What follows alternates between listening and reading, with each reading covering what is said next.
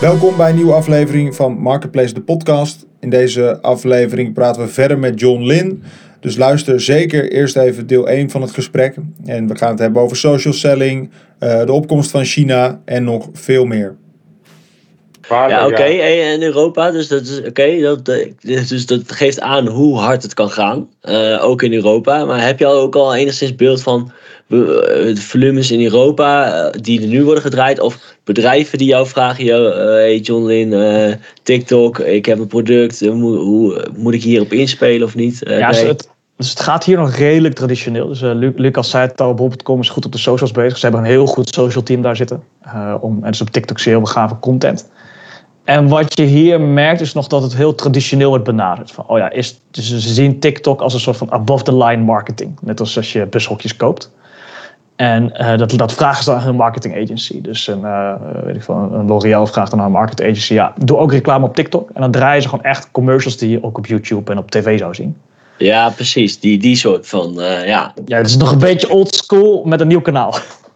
Ja, precies. Dus eh, TikTok gebruiken als kanaal om extra traffic naar jouw andere traditionele ja, kanaal puur, te uh, brand, brand, brand marketing werkt daar gewoon. Ja. En, zo, en, zo wordt, en zo positioneert TikTok zich hier ook gewoon nog. Het is gewoon een advertentiekanaal. Ja, precies. En ze zit hier adverteer. Ik denk wanneer TikTok echt uh, hun e-commerce tooling gaat uitrollen, dan wordt het een ander spel. En dan wil je, en je ziet hier de merken dat nog niet doen. Je wil dat merken veel meer met influencers gaan engagen. En dat het niet, eigenlijk dat het niet via uh, bijvoorbeeld die, die, die agencies gaat. Maar je wil juist dat, dat je directe brand ambassadors maakt met, met influencers. Dat zij altijd je merk promoten. Uh, dat, dat je ook een heel programma opzet dat, dat ook die influencers makkelijk geld kunnen verdienen met jou als merk. Mm. En die manier van denken zie je hier nog niet. Dat moet nog komen. Ja. En, de vraag is, gaan de marketing agencies het oppakken of die merken zelf? Dat, uh, dat hangt een beetje af hoe je, hoe je, hoe je, hoe je staat georganiseerd. Wat zou jij adviseren aan merken die bijvoorbeeld uh, Rituals of noem even een, bekend merk. En wat zou je zo'n merk nu adviseren als jij het nu zou moeten zeggen? Hoe zou ik daar, wat John Lin, hoe moet ik daarmee omgaan? Ja, dus als je, dus Rituals is een leuk voorbeeld. Is is zelf een heel sterk merk. Ze hebben goede producten. Dus een Rituals die kan beide paden lopen. Dus het ene pad is zelf gewoon een sterke brand presence hebben op die, op die platformen. En daar ook uh, livestreams hebben, weet je, wat we vroeger een beetje webinars noemden, maar ook gewoon gave content creëren, veel uitleg, veel engagement daarop hebben. En de andere op kant, TikTok of op hun eigen kanalen? Op hun eigen... Hun eigen, hun, eigen TikTok-kanaal, zeg maar. Ja, ja, precies. Ja, check. Ja. Oké. En, en aan de andere kant, omdat, het, omdat ze hun, hun producten zijn... Ja, ze zitten natuurlijk in de cosmetics, uh, die, die, die hoek. Ja. Dus, dan, dus dan kan je juist heel veel influencers laten reviewen, uh, content over verspreiden. Uh, je, je kan ze gewoon betalen om content te maken over jouw producten. En als je dat heel actief inzet, um, dan kan je succesvol worden. Dus Rituals is een heel mooi voorbeeld en merk van die hier heel succesvol mee kan zijn. Ja, ja. Uh, op beide routes, dus ja. met influencers en zelf. Ja. En, en, en John, juist een, hè, want de Rituals is natuurlijk wel een, een voorbeeld, maar Ehm, de, de, de webshop, uh, gewoon een beetje een, een, een standaard webshopje. Uh, ooit begonnen met gewoon dingen resellen. Uh, ook ingezien dat ze een eigen merkje moesten ontwikkelen. Dus die heeft al een, een twee jaar een eigen merkje. Ja. Is er ruimte op TikTok voor zo'n webshop? Of, of is dat gewoon veel te hoog gegrepen? is, het is moeilijker. Want je als je zo'n soort, als je gewoon ja, heel platgeslagen iets ingekocht hebt en iets verkocht. En daar je eigen merk op geplakt hebt. Dan heb je niks wat echt van jouzelf is. En bijvoorbeeld bij zo'n Rituals voorbeeld. Je hebt echt een, ja, dit is echt een product van Rituals. Dit is zo goed. Of ruikt lekker, whatever. Dan, ja. je verkoopt het merk. En als jij jouw product verkoopt op TikTok, het kan wel. Je ziet het in China ook gewoon heel veel gebeuren. Gewoon resellers. Uh, maar wat, ja, je hebt content nodig. Je hebt gave content nodig. Uh, en, en als, zolang je dat goed lukt, want content is king op social, dan kan je nog steeds verkopen. Maar je, het content is. Ja, dus content is heel belangrijk. Uh, want dus je als je een uniek product hebt, hè, dus zelf een product hebt ontwikkeld, uh, dat uniek is, dan heb je bestaansrecht op zo'n TikTok. Anders is het gewoon, ja, is sowieso de vraag. misschien, misschien wel een goede brug naar het volgende thema eigenlijk. Maar Lucas, vertel. ik vind wel, nou, met wat je zegt eigenlijk, dat, dat, dat is hoe, hoe ik het ook een beetje nu op marketplaces zie. Het is gewoon uh, de, de dagen dat je een private label productje kon, kon halen uit China en daarmee kon binnen op Amazon, die zijn voorbij. En je moet nu uh, niet alleen gewoon een heel goed product hebben, maar ook gewoon een, een sterk merk en een sterk, sterke visual, sterke content. Je kan niet meer gewoon een infographic laten, laten, laten maken en daarmee uh, wegkomen.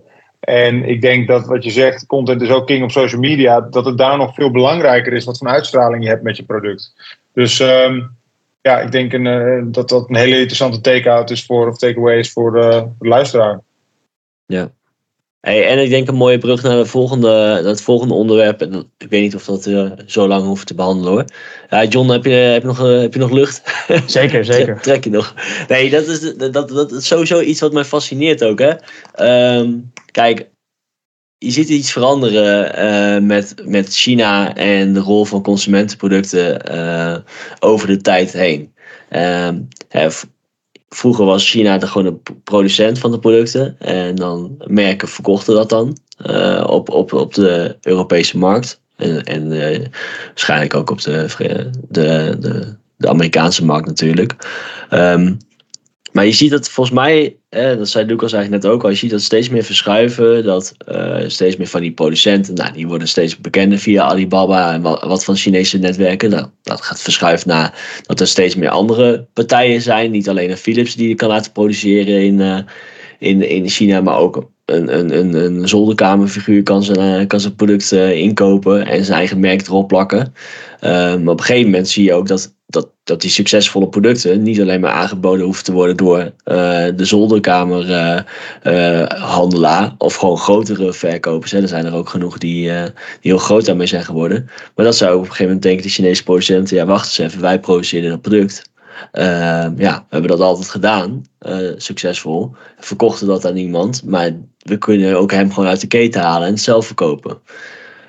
Ja. Dat is een ontwikkeling. Um, en dan, dan, nu zie je nog een interessante ontwikkeling. En ja, misschien kan jij dat zo, zo eens een beetje duiden wat er nou gebeurt. Maar dat je eigenlijk niet eens. Dat, dus je gaat van produced by China naar sold by China, maar nu ook naar marketed by China. Uh, want nu zie je ook een ontwikkeling dat steeds meer Chinese platformen het zelf gaan verkopen via een eigen platform in de Europese westerse markt. Ja, dat schuift, schuift natuurlijk enorm en dat heeft best wel veel impact voor allemaal uh, e-commerce ondernemers in deze keten. Ja. Uh, kan je dat, ja, dat is wat ik heb geleerd. Uh, maar nu zeg ik het eigenlijk een beetje voor. Maar kan je dat dus mij eens meenemen? En de luisteraar meenemen in die, in die ontwikkeling? Hoe, en, en, klopt het een beetje wat ik dan nu zeg? Ja, zeker. Dus je hebt uh, twee grote trends. Dus de eerste is, dat noemen ze in China, consumer to manufacturer. Ja. dus wat je zegt, alle tussenpartijen moeten eruit. En daar is Alibaba groot mee geworden. De klant direct doorverbinden met de fabrikant. Dus alles wat er tussenin zit, voegt geen waarde meer toe. Dit is waarom Uber ook geen taxicentrales nodig heeft, want dat voegt geen waarde toe. En dat is ook dat is de essentie van platformeconomie. Vraag en aanbod zo snel mogelijk, zo efficiënt mogelijk bij elkaar brengen. Ja. En dat zie je dus daar heel veel gebeuren. En dat zie je ook. Uh, Amazon heeft het ook goed begrepen. Dus Amazon heeft in China een gigantisch sales team zitten. Amazon in China als consumentenmerk niet actief. Uh, maar hun, hun zeg maar international sellers days, hun webwinkelvakdagen, er komen daar tienduizenden Chinese manufacturers op af. En Amazon zegt, ik maak het jou makkelijk om in Europa te verkopen. Of in, in ook in Amerika. En je ziet op de, bijvoorbeeld op de Europese scraping data van Amazon... zie je dat 70% van de sellers is Chinees. Uh, ja. En, ja. ja. Uh, en, meer en, en ook heel vaak Taiwan en zo en uh, omring ja, buurtlanden. Ja, daar hebben ze bij die bedrijven waarschijnlijk een, een, een brievenbus BV'tje staan voor belastingtechnische ja, redenen. En uh, dus op Amazon snappen ze ook, als ik de klant de laagste prijzen wil aanbieden, dan moet die keten zo kort mogelijk houden. Dus ik sluit de Chinese verkopers aan. Ja.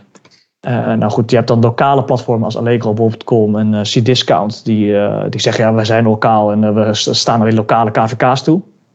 Nou heeft Allegro de portal opengezet voor international sellers. Want ze zien ook dat het niet, anders niet te houden is tegen Amazon. Amazon die heeft ja, die heeft, die, heeft, uh, die heeft eigenlijk niet zoveel belang bij lokale verkopers. Ze willen gewoon de beste prijs voor de klant. Die Chinese verkopers zitten daarop. Ja. Uh, dus dat is de ene kant, dus dat is de manufacturing trend. De andere kant is wat jij zegt, dat marketed by China. is dat die Chinese verkopers, al die fabrieken, die 70% die op Amazon zit, die is Amazon zat aan het worden. Uh, aan de ene kant, Amazon die gaat natuurlijk die, private labels, maar daar zijn zij niet bang voor. Maar Amazon gooit wel die verkopers gewoon eraf een week voor Black Friday. Die haalt allemaal dat soort frats uit. Want als marketplace heb je best wel veel macht om gewoon een seller af te sluiten. Ja. En als Chinese verkoper heb je dan niet zoveel te zeggen. Dus je ziet dat de Chinese verkopers die snappen ook. Oh ja, Amazon is gewoon een risico als ik daar te veel op leun. Dus er is heel veel vraag naar vanuit de Chinese ondernemerskant. Voor ik wil andere verkoopkanalen hebben internationaal. Dus daarom zie je AliExpress, daarom zie je Temu, daarom zie je Shine. Uh, Ochama, weet je, JD komt deze kant op. Zij komen, uh, TikTok die gaat retail toevoegen ook. Ze gaan allemaal manieren, nieuwe verkoopkanalen creëren voor die Chinese ondernemer. En ze zeggen daarna ook van, oh ja, de beste Europese ondernemer, jij mag ook op AliExpress verkopen. Ik zet het voor je open. Maar je weet toch dat je nooit kan concurreren, want die prijzen daar zijn veel lager. En ja, vanuit de Chinese ondernemers is het super chill. Ik ben niet meer afhankelijk van Amazon. Ja. Uh, ja, ik verkoop daar ook gewoon, weet je, het is gewoon extra kanaal. Want niet, niet elk kanaal is in elk land even succesvol. Maar ja, als, uh, wat je zegt, als Europees ondernemer, wat is dan jouw hoe moet je dan differentiëren? Want als, als jouw fabrikant direct gaat verkopen op Temu of Ali of, of Amazon, ja, dan moet je toch goed gaan nadenken van hoe ga ik toch een sterk merk opzetten, uh, echt waarde toevoegen voor die eindgebruiker. Dat is een heel ander spel dan iets inkopen en verkopen. Ja, dit is echt mega, weet je wel. Het klinkt allemaal een beetje theoretisch wat, wat we nu aan het beschouwen zijn. Maar um, ik, dit, is zo'n ontzettend grote ontwikkeling. Ik vraag me ook echt af waar dit heen gaat op, op termijn. Kijk, ik zit te denken voor zo'n Philips bijvoorbeeld. Hè, die heeft natuurlijk ook al zijn producten te komen uit China. Ja, Natuurlijk uh, hebben ze nu een goede naam, dus mensen vertrouwen het merk. Die weten, oké, dit is van kwaliteit. Um, um, maar noem even een paar merken daaronder uh, die minder grote naamsbekendheid hebben. Um, ja, maar, en, maar vergeet niet, hè, een, een, ja. een Philips, okay, Philips heeft heel veel van zijn consumentendivisies afgestoten. Ja, Philips ja, doet geen. Maar, maar, maar, nee, maar het, het, het leuke van Philips is, Philips deed heel veel eigen RD. Dus ze hebben laboratoriums zitten om de beste scheerapparaat te ontwikkelen. Weet je. Dus het product hebben ze misschien geoutsourced om machine te produceren.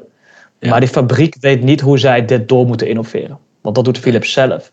Ja. Maar als je dan gaat kijken naar uh, een, een, een, bijvoorbeeld een, uh, een powerbank fabrikant. Ja, die zijn allemaal weggespoeld door Anker. Ja. Want die hebben daar de fabriek uh, een mooie naam op gebouwd en doorgeknald op, die, op de marketplace. Dus als jouw goed voorbeeld van een goed merk. Maar desondanks, kijk, Philips heeft dan nu bijvoorbeeld een hele. Uh, die OneBlade. Dan komen we weer terug op de OneBlade. Elke fucking podcast uh, zit die OneBlade erin. Erg jezus, man. We krijgen nog problemen met, uh, ik, met ik, ik, ik, werkte toen bij Philips toen dat ding gelanceerd werd. Ah, oké. Okay. Nee, maar ook, ook daarvan, ik, ik heb helemaal geen verstand van dat, die kant, maar ook daarvan kan je zeggen, oké, als je op een gegeven moment die, ja, je ontwikkelt dat, dat, dat, ding toch, hè. En natuurlijk kan je door consumentenfeedback en gebruiksfeedback kan je doorontwikkelen. Toch deel al best wel wat essentiële informatie met zijn fabrikant die het ook alweer her kan maken. Nou goed, er zullen allemaal wetgeving om, om zitten. Ja, dus nee, kijk, dat, je geen, uh, dat je dat niet mag doen en dat ze dat beschermen. Maar voor ja, dat soort multinationals is dit is nog niet een direct gevaar. Maar ik kan nu even niet op een goed merk komen die een beetje daartussenin hangt. Maar een beetje een Nederlands bekend merk, zeg maar. Dat, dat, dat, dat, dat, dat lekker aan het verkopen is in Duitsland, Nederland, België. Nou, die de RD misschien een klein beetje heeft aangepast. Bijvoorbeeld de vormgeving of zo. Hè? En, en bijvoorbeeld een ventilator. Die zegt van nou oké, we hebben een type, een Dux bijvoorbeeld. Bedenk me nu eventjes. Ja. Nou, die uh, maakt het volgens mij ook in China. Uh, ja. Denk het wel. Waar zou je het anders vandaan moeten halen? Dus uh, ja, die hebben natuurlijk een unieke design van, van hun ventilatoren. Ja, voor, die is voor hun is natuurlijk wel de vraag: oké, okay, kan ik met mijn merkbekendheid redden op termijn? Want die dingen, ja, ze zullen ze misschien beschermen, maar ja je, voelt al een beetje die spanning. het kan allemaal overgenomen worden door, door, de, door de fabrikant uiteindelijk. Uh, tenzij je dat echt helemaal goed beschermt met, uh, met, uh, ja, met licenties en ja, hoe noem je dat ook allemaal. je snapt ja, wel een beetje wat ik bedoel, toch? Dus het is dus, best wel een bedreiging voor de Europese, voor de Europese merken, deze ontwikkeling. Ja, dus de vraag is vooral hoe, dif, hoe, hoe differentiërend is jouw product? Dus ja, het, uh, ik, ik weet het trouwens wel een leuk voorbeeld. Dus Philips is een interessant voorbeeld. Want bijvoorbeeld, ik weet van die OneBlade bijvoorbeeld, daar ligt een heel stapel patenten onder. Dat kopieer ja, precies, dat, dat woord zocht ik. Ja, dus dat kopieer je niet even. Maar bijvoorbeeld, uh, heet het, de iRobot, de Roomba's, de robotstofzuigertjes. Ja, die zijn mm kapot geveegd natuurlijk door die Dreamy Xiaomi apparaten. Ja. ja. En ja, maar dat komt omdat zij hun patenten niet op orde hadden en dan gewoon uh, will do you better, zeg maar? Uh, ja, één deels van hun patenten. Het, misschien waren ze gewoon niet zo bijzonder. Misschien dacht de Chinezen, ja, maar je hebt leuk dit gepatenteerd. Maar ik, ik heb deze manier gevonden die beter werkt, dus ik doe dat gewoon. Uh, ja. dus, dus, daar zit, het, het, is gewoon een niet zo bijzonder apparaat. En nee. wat daar bovenop zit is natuurlijk software. Nou goed, dat hebben de Chinezen heel goed voor elkaar. Er zitten daar gewoon meer developers dan wij hier ooit bij elkaar kunnen verzamelen. Dus uh, dan heb je een product wat jij hier voor 600, 700 euro in de markt zet als westers merk, met als iRobot. En dan komt Xiaomi met, ik heb hier ongeveer hetzelfde apparaat, wat misschien niet, niet zo goed performt, maar het, het, het, het zit 90% daar. Maar hij kost een derde. Want eigenlijk heeft iRobot je al jaren opgelicht. Ja, die prijs ja. van 700 euro. Ja, het is heel pijnlijk hè. Is dit ook ja, dit, Amazon... Dit, dit, dit, is, ja. Amazon Basics het doet. Hè? Dus eh, wat je zegt, Amazon die is uh, breed aanwezig in China. Uh, want die zijn ook notoire voor hè, het, het omverwerpen van een opkomend merk. Door, dat, door het gewoon zelf in China in te kopen, goedkoper aan te bieden. En zichzelf gewoon, hè, have you considered this, op iemands productpagina te pakken. Is dit eigenlijk ook hoe, Amazon het zelf doet? Zeker, dus uh, er, is een mooi, er, er, zijn heel veel cases hiervan. Ik weet, ik heb een keer zo'n filmpje van een, uh, een merk wat op Kickstarter een mooie cameratas heeft gemaakt. Ja. Uh, die verkocht hij, weet ik veel, voor 150 dollar. En klein bedrijfje, start-upje, mooie tas, 150 dollar. Maar goed, dan ziet Amazon ineens, oh, dit ding verkoopt goed. Oh, maar ik heb ook een. en dan is er een Chinese fabrikant die benadert Amazon met: hey, ik kan deze. En dat zal waarschijnlijk de fabriek te zijn die ernaast zit. Ja, ja, ja. hey, ik kan die tas ook maken. Ik verander dan deze rits uh, zo'n beetje. Dan heb ik geen gezeik met copyright en een patent. Ja, precies. Uh, maar goed, dat ding kost maar 10 dollar om te maken. Oh, oké, okay, ja, zet hem maar online voor 50. Weet je? Ja. Dus dat, dat is het probleem als jouw product gewoon niet zo uniek is. Ja, ja, dat is dus sowieso ook logisch. Hè? En zo werkt ook gewoon de wereld. Dus het is niet zo dat je zegt van nou, dit is een bedreiging uh, waarvan je zegt, oh, dat, overvalt me nu iets wat onterecht is. Of wat je, wat je eigenlijk denkt van ja, Jezus, uh, deze concurrentie is niet eerlijk. Ja, het is gewoon hoe de wereld werkt. Maar het is wel een verschil tussen, uh, vroeger was, was, werd het gewoon in China geproduceerd. En concurreerde je met Europese merken. En nu kan je dus ook heel hard moeten gaan concurreren met Chinese merken. En uh, ja, dat is een stuk complexer, denk ik, omdat zij bij de bron zitten. Zij maken het zelf, eh, producttechnisch gezien en, en qua kostprijs is het een stuk mm. moeilijk om daarmee te concurreren. Maar twee ook, uh, als iemand bijvoorbeeld uh, een soort gelijk product maakt en goedkoper wegzet, ja, vecht die patentrechten maar eens aan met een Chinees bedrijf. Um, zit ik dan aan te denken. Ja, is, ook niet, is ook niet even makkelijk. Het is makkelijker om even een Nederlands bedrijf aan te klagen die hetzelfde doet. Ja, maar los van patenten, als je dus bijvoorbeeld kijkt naar Shine, de, de fast fashion gigant. Ja. Uh, In Amerika zijn, hebben ze Q, Q1 vorig jaar zijn zij marktleider geworden met fast fashion. Dus H&M, Zara, ASOS, Forever 21, allemaal kleiner dan Shine in de goedkope, uh, zeg maar, niet zo sustainable kleding. Ja. Dus zij hebben ook de grote fast fashion merken gewoon keihard verslagen in hun eigen spelletje doordat die ketens gewoon korter zijn, ze kunnen sneller reageren, hebben lagere kosten. Ja, dus binnen, als, uh, wat Shine zegt, als binnen een week uh, op social media in een New York fashion show iets, iets trending en viral is gegaan, dan heb jij het een week later in je brievenbus. Ja.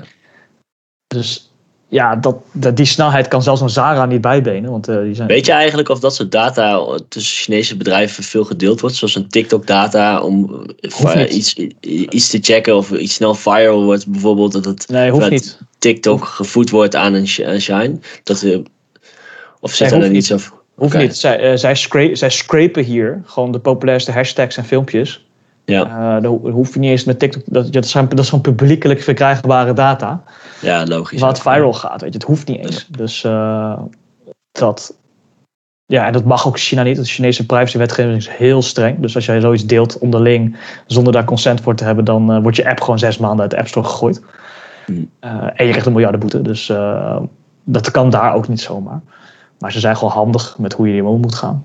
Interessant. En, en dit vroeg me ook nog af, een beetje off topic, maar in hoeverre uh, is uh, Xi Jinping en de, de, de overheid nou in China blij met deze ontwikkeling? Uh, en en stimuleren ze dit?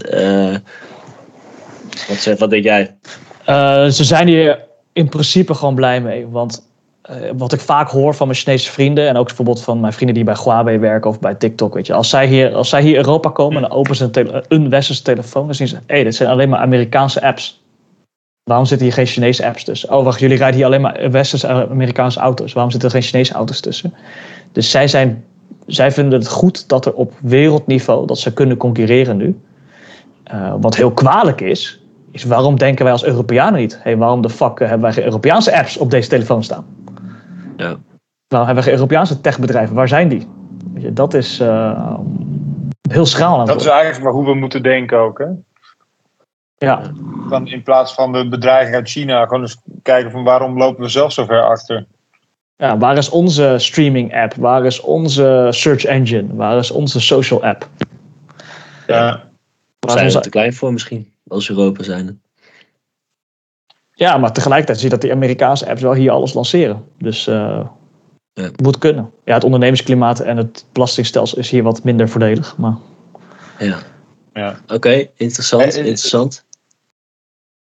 Hey, laten, we hem, laten we hem afronden. Ehm, ik denk, eh, eh, John, als je de luisteraar een, eh, een tip moet meegeven om de komende tijd mee aan de slag te gaan. Gewoon een hele laagdrempelige tip, denk ik. Want dit is allemaal nog wel in the works. Maar hoe kunnen ze voorbereiden op what's to come, zeg maar? Ja, één is probeer die marketplaces en social media hoort daar ook bij. Te begrijpen van waar zit nou je klant? En hoe kan je die het beste bereiken? En als dat wel social is, dan moet je daarmee gaan experimenteren. Hoe kan ik goede content creëren? Hoe kan ik die klant engagen? Hoe kan ik die klant goed bereiken? Uh, want het verkoopspelletje is gewoon anders. Binnen TikTok heb je ongeveer 0,2 seconden om de aandacht te trekken. En als het je niet lukt, dan scrolt die persoon verder. Uh, Dus je moet leren om in die 0,2 seconden jouw product of jouw merk apart neer te zetten. Ja. En twee? Ja, ja het, is als, het is als Nederlander nooit makkelijker geweest om naar China te gaan. Want je hoeft geen visum meer aan te vragen sinds december.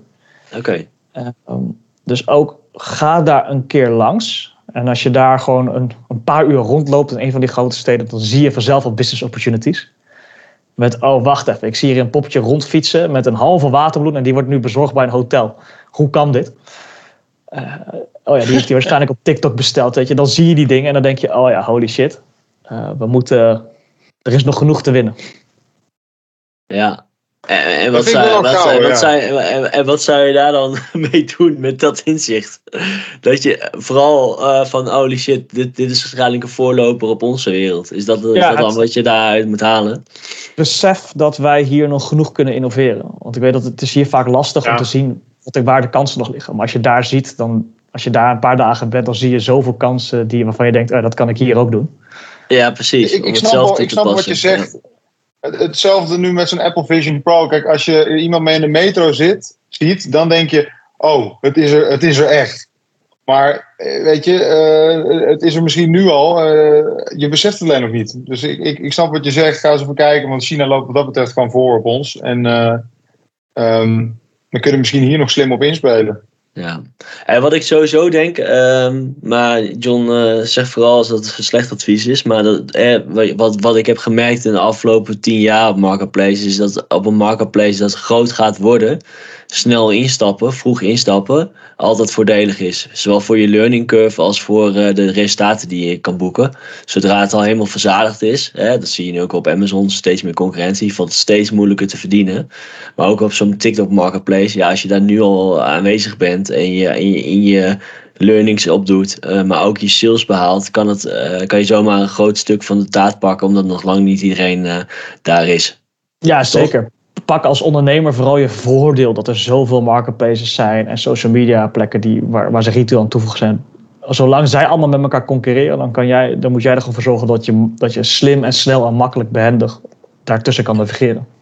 Ja, en zorgen dat je een onderscheidend product uh, ja. hebt of ja, gaat ontwikkelen of door gaat ontwikkelen. Oké, nou, reet interessant, John. Thanks voor jouw time. Ja. Ehm, ja, hoe kunnen mensen nou meer van jou horen? Want er zullen vast mensen denken van John Lin, interessant. Die, ik wil eens meer weten over van al deze ontwikkelingen. Uh, ja, zoek me op op LinkedIn. Volgen is helemaal gratis. Ik deel elke dag content. En ook gewoon, weet je, screen captures van hey, hoe ziet zo'n Chinese TikTok er nou uit? Hoe bestellen die mensen nou? En ook een stukje verhaalstrategie erachter van hey, hoe kun je het nou toepassen hier? Oh, cool. Cool. Dus dat is, uh, dat is zelfs nog gratis. En voor de rest nog andere momenten dat ze jou tegen kunnen komen? Sta je nog op grote events of zo? Of, um, of is het allemaal binnen de bestuurskamers waar je gaat spreken? Ja, het is eind februari eentje, maar dat is volgens mij ook binnen bestuurskamers. Ehm, er is geen grote events waar mensen zomaar kunnen aansluiten. Oké, dus ze kunnen jou niet even in persoon even de man afvragen. Dat is goed. Oké. Exclusiviteit, hè? dat is ook nog steeds gewoon niet. Ja, je, je, kan er wel, je kan er wel boeken, dan heb je hem helemaal voor jezelf. Precies. Hier heb ik verschillende beelden bij, John. ja, alles via TikTok. Over 20 minuten voor je deur. ja, voor een leuke vrijdagavond. Alright. Oké. Okay. Ja, goed. Uh, nou, hoop besproken, maar ik denk dat er nog veel meer eh, te bespreken valt. Maar uh, ja, en nogmaals bedankt voor je tijd, John. Ik denk uh, heel interessant. Ja, Mooi binnenkort, Lucas, een, een van onze volgende afleveringen, een van onze klanten die wij helpen hè, in de podcast om te praten over ja, wat wij hebben ondernomen met hem en wat voor, wat voor resultaat het heeft opgeleverd. dus dat, dat gaat leuk worden, toch? Ja, dus tot, tot de volgende episode.